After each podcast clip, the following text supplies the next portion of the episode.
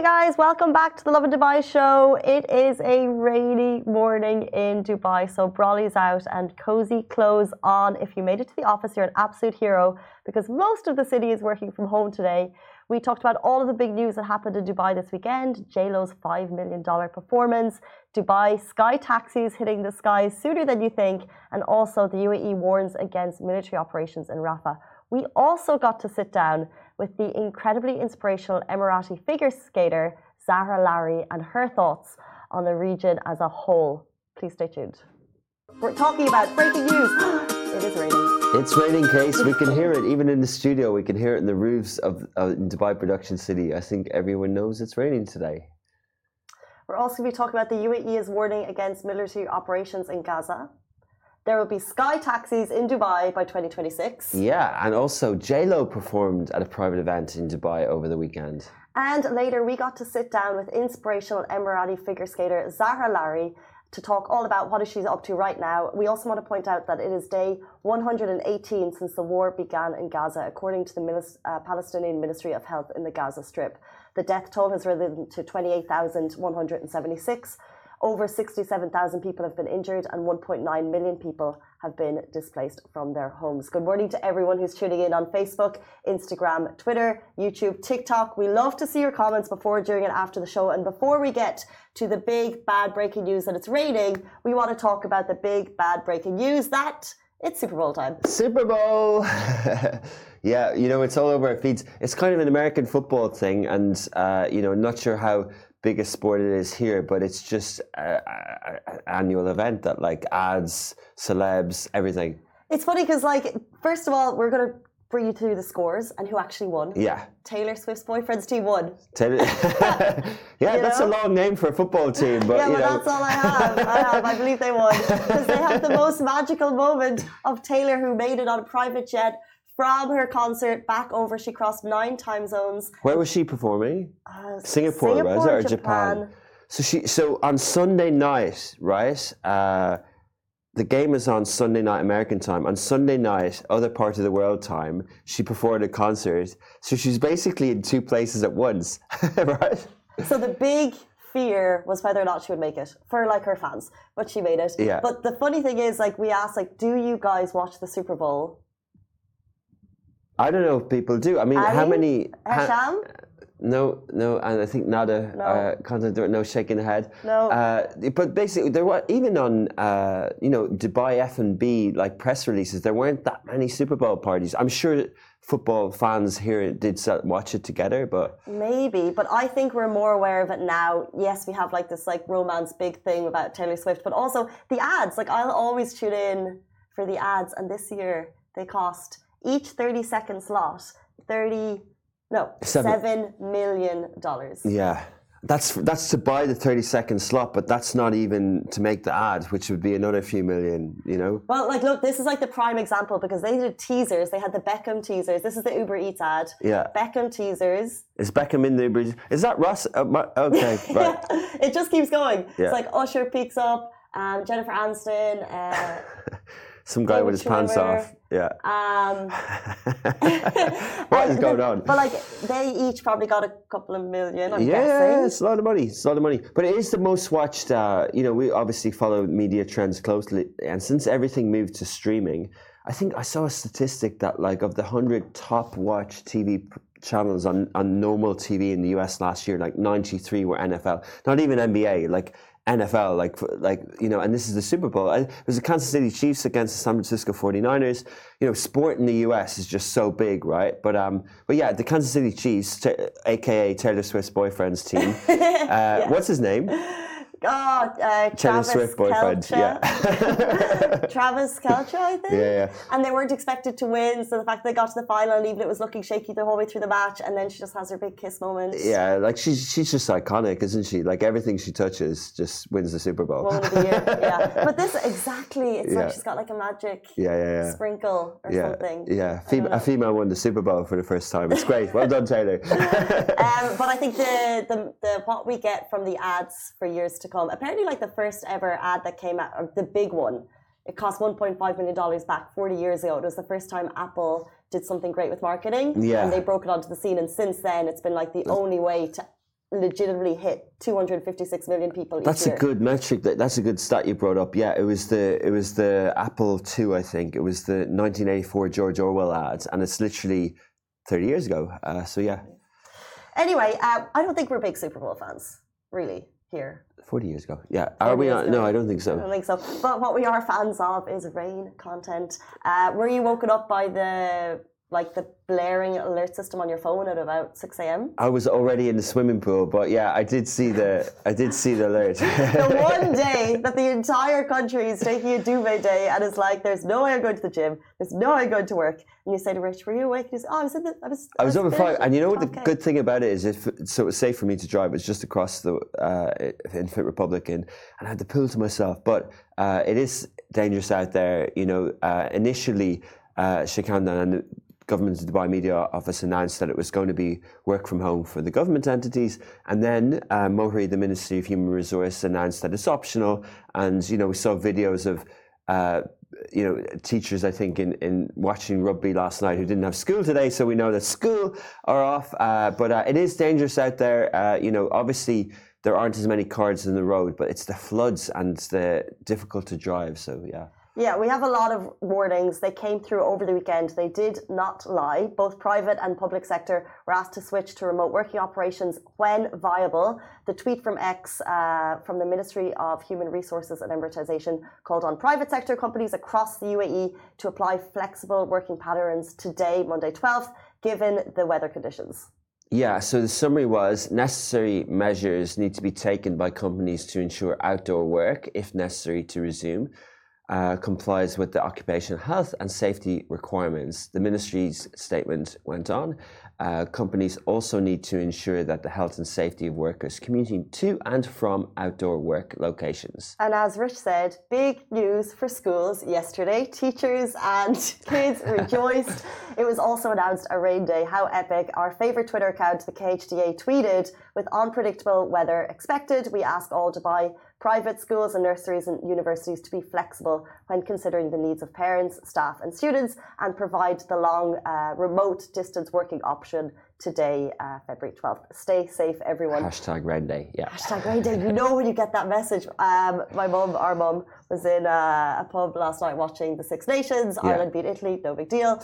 Um, and she just said it was packed with people excited about the news that there was going to be a rain day the next day. Exactly. You know? Yeah. You're celebrating the weather that God has given us. But you know, I, I uh, we got those messages, and obviously, running a private sector company, you sort of take the guidelines, but you you try and assess the pros and cons and the safety of your team and everything.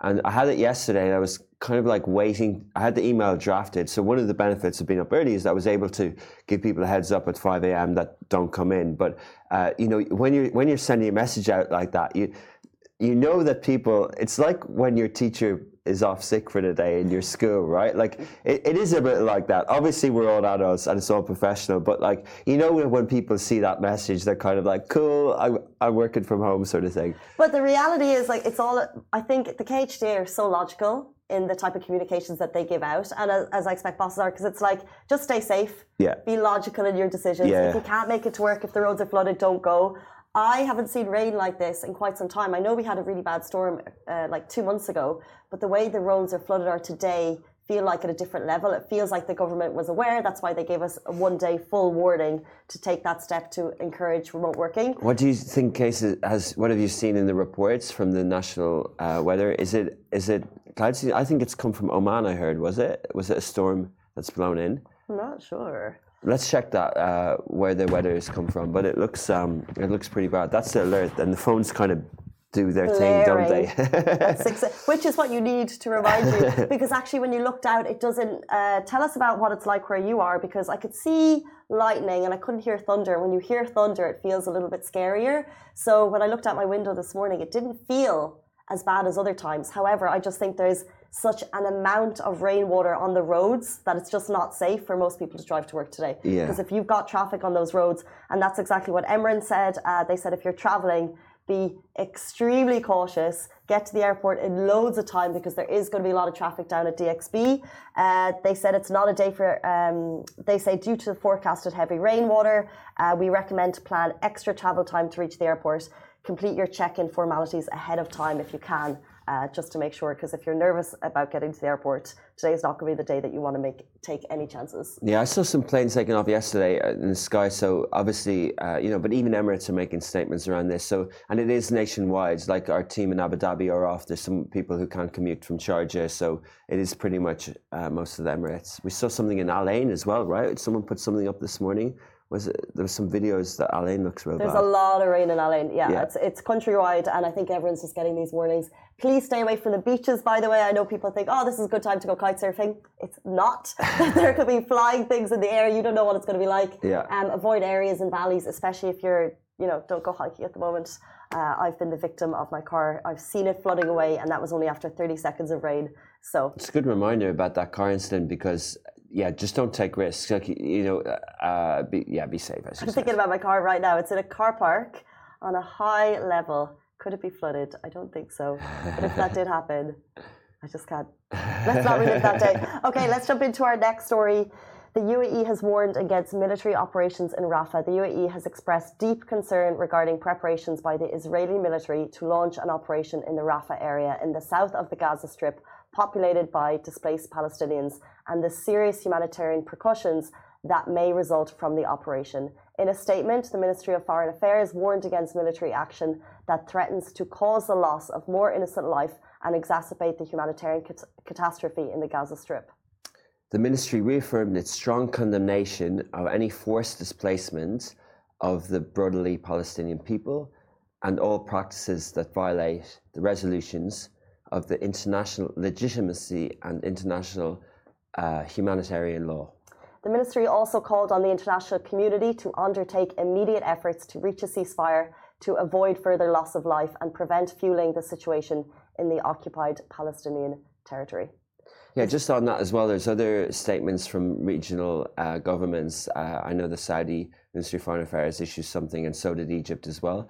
And there, there were leaflets dropped in that area, and it, it's just tragic that it, you know that the genocide continues and that we're witnessing it. And you know, from media in the region, it's important that we recognize what's happening and we have a voice, just like the Western media does, and we document what's happening. We've got content creators in our Egypt office working in uh, on Lovin Palestine, documenting what's happening. And unfortunately, our two journalists in Gaza haven't been able to publish since the 7th of October, but uh, we're in constant dialogue with them. And it's just, you know, really it's gone on too long and it needs to stop. 100%. I think the, the, the news continues to shock, but I think the fear is that we have seen people leave their homes uh, through and through force the place that they thought was safe near the border now uh, looks like it's in peril, and it's it's incredibly scary. And the UAE is taking a firm stance against the Israelis' choices there. Um, let's move on to the next story. It's connected to the World Government Summit, which starts in Dubai today. And one of the biggest headlines that we have so far is that there will be sky taxis in Dubai by 2026. Now, we know this has been questioned before. We know that we're talking about sky taxis for a long time, but this looks like the actual timeline. So the RTA has been busy not only dredging those roads from rainwater, but also announcing the agreement of the world's first aerial taxi. It looks like this. It happened at Dubai's World Government Summit. Sheikh Mohammed bin Rashid Al Maktoum witnessed the signing of agreement to launch aerial taxis in Dubai by 2025, 2026, which means we will become the first city in the world to provide commercial air transport service via electric air taxi in urban areas. He doesn't mess around. He's so fast with all this stuff. Uh, His Highness is amazing to see this again. We're going to witness it. Uh, this will be a nifty taxi in the sky. It's called the Joby Aviation S4 aerial taxi, uh, a five seater battery powered taxi with six propellers and should hit the skyways by 2026. It's less noise and can cover a maximum distance of 161 kilometers, Abu Dhabi and back, no problem. That's what I was just going to check. With a top speed of up to 321 kilometers an hour. Wow. Uh, so yeah, what do you think of that? Uh, you know what I think? I think usually when we hear updates about, you know, they were going to put that big moon in the middle of Dubai and they're going to, you know, have like super high speed things. Sometimes it's private companies with a lot of investment so you don't know if it's going to go the distance. However, we have the video here. His Highness was down signing the agreement, and if His Highness is putting uh, you know, if he's getting involved in something, you know it's going to happen by 2026. Absolutely. So the world's first city to have aerial taxis commercialized will be Dubai, and we'll be here to watch it. How epic will that be? That means the regulation will happen. We know that the safety will be there, and uh, this is the timeline that we can now put to that. So 161 kilometers is. Uh, the distance, uh, I think Abu Dhabi is 100 and something. It depends where you're going in Abu Dhabi, but like there's, uh, yeah, maybe at least it's going to cover you one way down. But uh, yeah, like literally flying cars. Why not? You know. But the, the way you say the, you know, the, it's got the royal seal of approval, but it's also, you know, I was literally just reading about how they set up Internet City back 24 years ago, and even though it's Royal Seal approval, it's government backed, it was a loan, but a $200 million loan by HSBC. So it was set up as a commercial entity from the start. And I think that that's what's going to be good about this. Obviously, you know, government entities like RTA and other things will come about as well. But if you think of the, yeah, it's just going to be cool, right? We're going to get a lot of good content from the sky, but also it's going to, uh, transport is so important and moving around, mobility and smart mobility in a city is really, really important. So true. Uh, we look forward to seeing where that will take us. Um, we have a question coming in. Uh, a lot of people are asking, is there an earthquake alert alarm coming through? I didn't get one. And the notice that we have there, which was the um, a message that came through through from um, through from some of our team, it wasn't an earthquake alarm. Um, but what we will do to be 100% sure in that with you is we will check it and we will put up a post directly after if there is an alarm. Nothing um, right now, nothing official not, right now. Yeah. No need, uh, no need for concern. The the message that came through to my phone didn't mention an earthquake. Yeah, nothing. We're just checking now. Nothing official yet. Nothing official. But if there is something official on that, no doubt we'll have it up in super quick time. Absolutely. Um, jumping into our next story, big things happen in Dubai all the time. Sometimes they go under the radar. This one did not. J Lo, the one and only, was she at the Super Bowl? No, she was at Dubai performing at a private event. So celebs flew in from all over the world to attend the grand opening of the one and only Za'abeel. We're talking Mark Ronson, Vanessa Hudgens, Idris Elba, Naomi Campbell, and so many more. But the star of the night and the big surprise was a performance by the one and only J Lo. Yeah, big and she looked good. She rocking it. She's just putting energy in. Yeah. I love J Lo. so like she is like the ultimate. You yeah. know, like she's so hardworking. There, if you saw the Netflix documentary on her, she's an impeccable human being, and she doesn't get enough sauce. I think that yeah. like. So the fact that she was there, and not you know, this was Super Bowl weekend, and she was doing a private gig in Dubai. Yeah, yeah, yeah, yeah, yeah. Amazing. So that's that building case. The you know the the one central building is that li- hard, li- largest or highest up suspension thing in the world. Like cantilever. Yeah, is that what it's called? I believe they call it. Uh, okay, never heard that word. It's a before. cantilever. We googled it. uh, but years ago, I interviewed the guy on on Smashy Business who was building it, Alec Construction, and you know it's just one of those other like other feats, right? Like, and there was a large, largest mapping projection for the opening of it. And the one and only is obviously an international hotel brand that's just, you know, happens to be inside this one central. So they, you know, and following on from the amazing big opening of the Atlantis Royale uh, a year ago now, right? With, uh, with Beyonce, mm. this sort of idea of like having huge opening events. You know, obviously Atlantis back in the day, but like the one and only in one central had a big opening with with J Lo and many. You know, you, you, listed some of the international ones, but there was also lots of regional performance, like um, Nancy Ajram and celebs like Hend Sabry and people like that were in town as well for it. It was, it so was, true. yeah, no costs were spared, obviously. No costs were spared to the tune of, and I want to compare them. So apparently, reportedly, rumor has it, yeah. J Lo got five million for last for, night. Yeah, the night before. Yeah, the night before.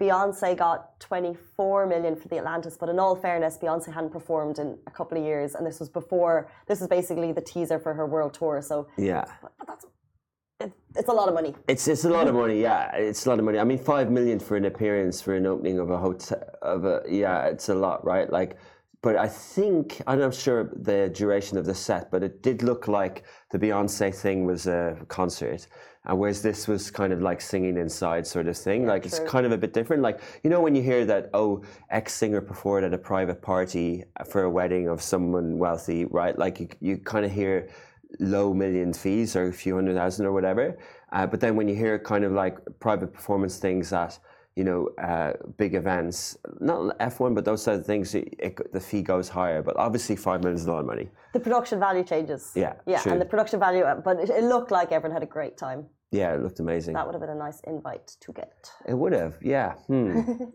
Did you like that one? Um, lots of messages coming through uh, about the uh, uh, the earthquake. Like I said, we'll get. Um, the uh, the definite story too of that uh, right after this show, guys. It's nine oh eight on a Monday morning, and it feels like one of those like special rain days because uh, first of all, has anyone made it to the office? You absolute hero. If you have, let us know. Uh, if not, keep your comments coming through. Um, let us know what the rain is like in your area. We love your DMs on rain day. It means you're just like us and you're taking videos of the rain in Dubai. But do stay tuned for our next interview. It has been so long since we have waited to sit down with Zahra Lari. She's an inspirational Emirati figure skater, and what she's doing is incredible on the sea. No one expected her to do it, and that's what I think is so um, so impeccable of her. Yeah, so she she actually also has a kids book out, and she'll talk about that with our colleague Farah, who interviewed her on Friday. And obviously, it was Emirates Litfest last week, and Zahra Lari lives in Abu Dhabi, she was coming down, so she did a lot of meet and greet around the, the kids' book launch. So she's inspirational. You know, it's figure skating, it's in the Olympics. We we have Paris Olympics coming up. I'm sure uh, Zahra Lari's career will be discussed on the interview as well. But it's great to see, uh, you know, athletes in the region inspiring others and doing things like this. So uh, take a listen. It's, uh, the interview, of course, was done on Friday. It's going live now. And as always, enjoy the rain day. Stay safe. Do not drive if you don't need to. And we'll see you tomorrow morning. Goodbye from me. And goodbye from me.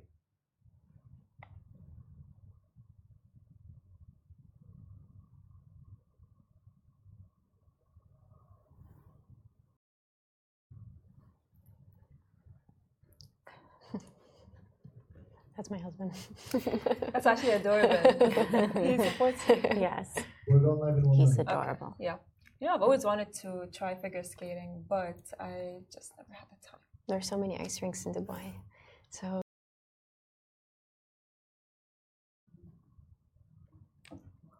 Welcome back to the Lovin Dubai show. We are joined today by the amazing Emirati first hijabi uh, figure skater, of course, Zahra Lari. Hi, Zahra.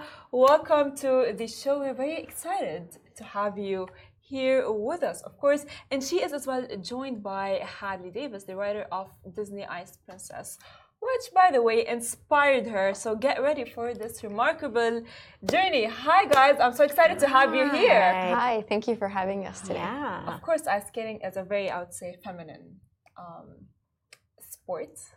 It's not easy. It's not for everyone. so I have a lot of questions for you guys. And my first question to you is: How has Hadley, you know, inspired you to start your figure skating journey? Um, so to be honest, if it wasn't for Hadley's Ice Princess movie, I wouldn't know what figure skating was. Um, so I went to the movie theater with my mom and my brother, and we watched Ice Princess. And just I just fell in love with it. I fell in love with the sport, and it's the perfect combination of art and sport. And I just sat there and I looked over to my mom and I told her that I'm going to be a figure skater. And I just I didn't stop asking them to take me to the rink. And then my dad took me, and the journey began. So, have you ever imagined that having like your book be that inspirational? You know, of course, like you're a writer, you must love as well figure skating, right? Because like Right. I love figure Yeah. skating, and I actually grew up on a pond, and um, I wrote the movie. And years later, I heard about Zahra, and I honestly couldn't believe it. I couldn't believe that here I was on the other side of the world, and something that came from me had really changed someone's life in the direction of their life. Hmm.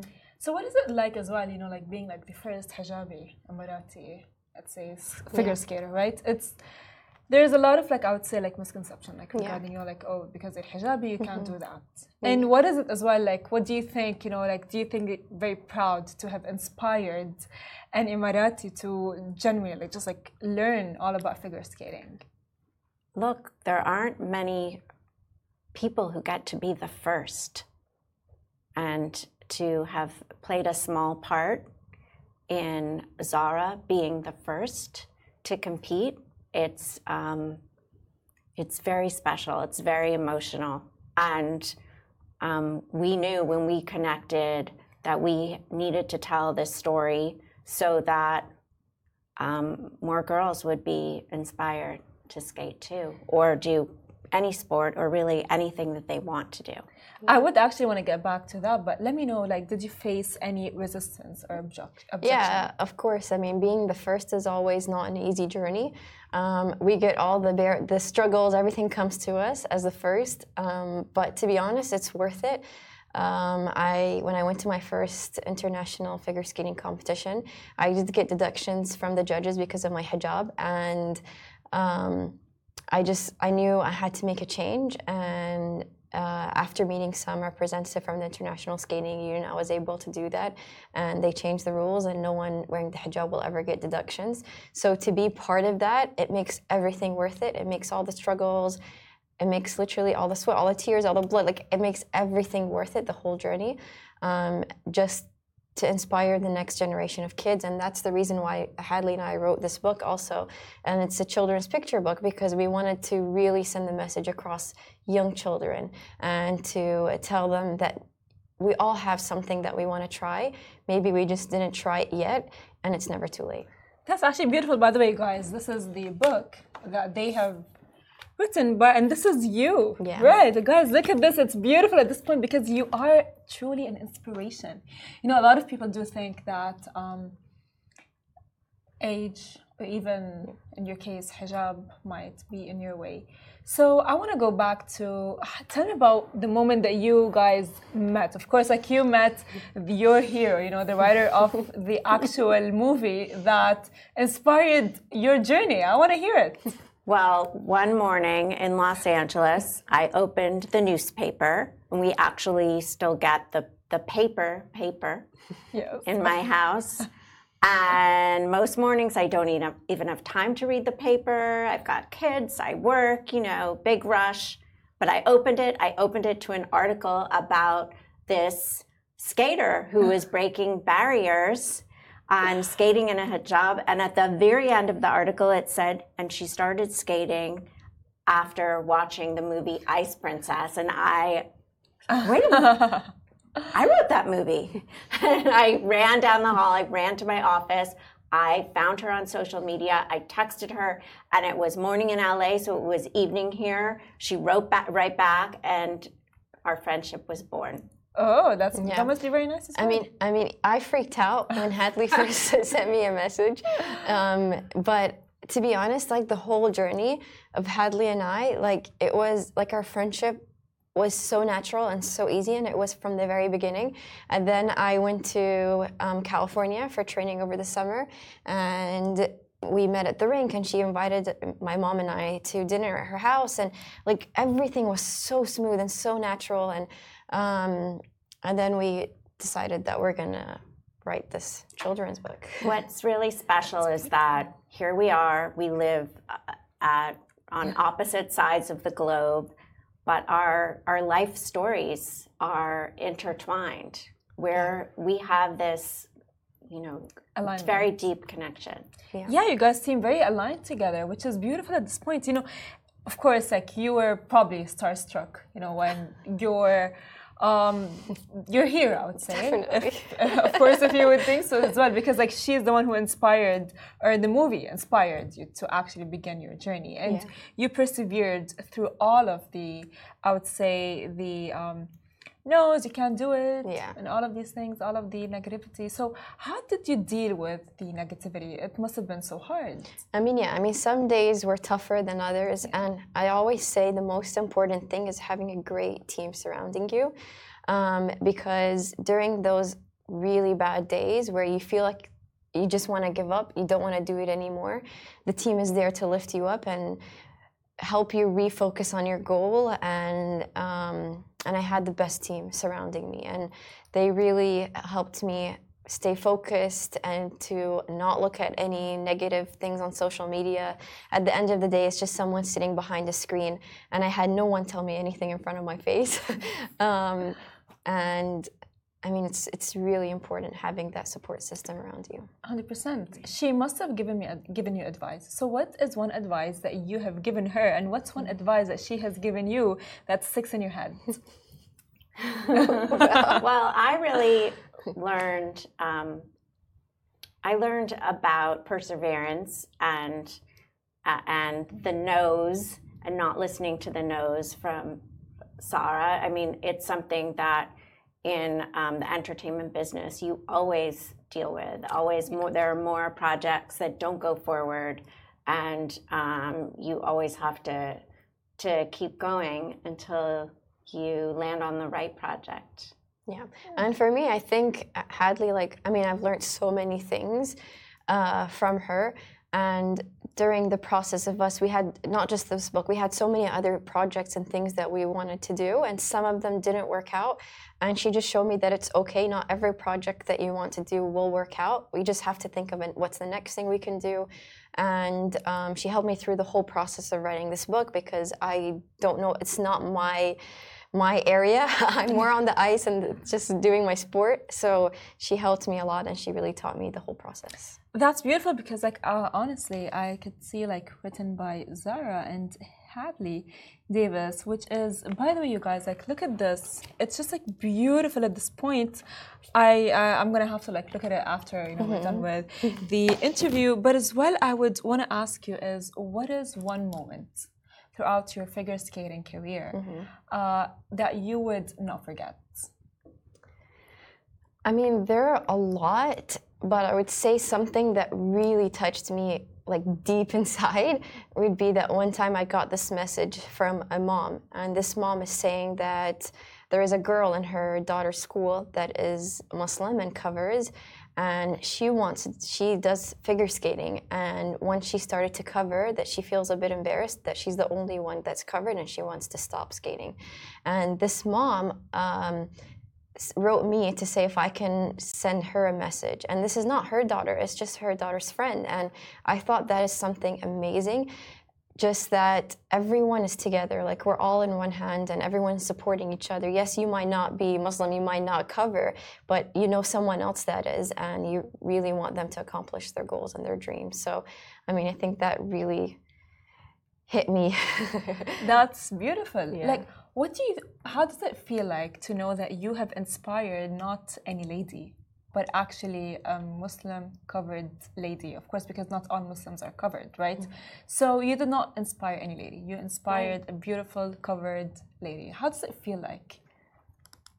It feels remarkable. I mean, it's it's not often living in Los Angeles um, where I get to interact even I get to see people who are covered. And now I have a friend for life, a friend who's like a, a sister. Oh, that's very sweet to say. I mean, for sure, you know, we can tell that there is like this uh, sisterly bond between you both because she has inspired you so much. Yeah. And of course, like, I mean, honestly, if I, I would die if I, let's say, see, like, you know, my, my favorite person who wrote my favorite movie, you know, contact me for yeah. something like that. I mean, of course, and you have persevered through uh, achieving your dream no matter what. Because it's not easy, you know, we all have dreams and we yeah. all just like put in our heads, oh yeah, I want to be this, oh yeah, I want to be that. But would you say it was an easy process? No. Only yeah. the people that are really close to me know, know that, yes, know for sure. The whole process, but it was definitely not an easy journey. And that's the whole thing. Like, success doesn't come easy. And when you love something, you have to not listen to anyone, you have to not give up. Every time you fall, you get up and you keep going and never listen to anything that's negative around you. Focus on what you want to do, give it 100%. And if you do all of this, then you can accomplish what you want to accomplish. So I'm sure that both of you have worked together as a team to change the uh, Muslim perception on figure skating and such sports, right? So uh, how how would you describe that? How did you both, uh, let's say, uh, how do you think that your presence, you know, changed the idea that the world has on Muslims and hijabis specifically competing in uh, such sports? Well, we're really hoping that this book is is part of that. Um, we the book is published by Scholastic, which is a global brand. Um, we had 1,600 classrooms listening to us read the book the other day, um, including classrooms in Kentucky and Texas and you know these states which we call red states that m- might not um, we might not think of as as open-minded. So um, this this adorable little girl, this little Zahra in this book, who who does fall down, and uh, of course in skating you literally fall down and have to get up. We hope will will help change those perceptions. And this book is not only for uh, Muslim girls or for covered girls. It's just for anyone out there. The deeper message is that. You, I mean, you all have dreams, especially as kids. Kids have so many dreams, and that innocent, that young, they don't know something that is called impossible. All they know is that everything is possible, and why crush their dreams? I mean, it's the opposite. We need to tell them that go after it because everything is possible. 100%. That's beautiful. So, um, what would you say? Of course, you've had a lot of encouragement. You know, of course, like as much as there is negative negativity, there is as well, you know, someone who was encouraging you. So, what would you say was your biggest source of encouragement? My mom. Mm, my mom was there. I mean, of course, my dad as well, okay? But my dad was behind the scene, the finances, and he was going through all of that, trying to financially make me able to do it. But then my mom was there all the time. Like when I had 4.30 in the morning practices, she was sitting at the cold, freezing rink. At that time, literally, she was like my driver. She was just taking me to the rink, picking me up, taking me back to school in middle school, taking me to the rink, bringing me back to school, like just going back and forth. And I also have two brothers, so she sacrificed a lot. Like a lot of time was spent with me and not with them. And so, I mean, to be honest, like without her, I no way I wouldn't be able to be who I am today.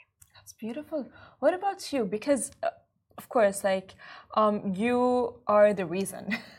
she got so inspired. So, what is what was the one source of encouragement that you had writing the movie? Oh, well, you know, I think that um, my source and the, the, the source of most stories and most writers um, is your own childhood, your own or your own experiences. So I was a dancer growing up, and I actually, but I I didn't become a professional dancer because my parents really wanted me to go to college and um, and that story is is really the story of Ice Princess. It yes. was just changed to to skating. So it's kind of like the discouragement that made me write it, but that but there's a, obviously a happy ending.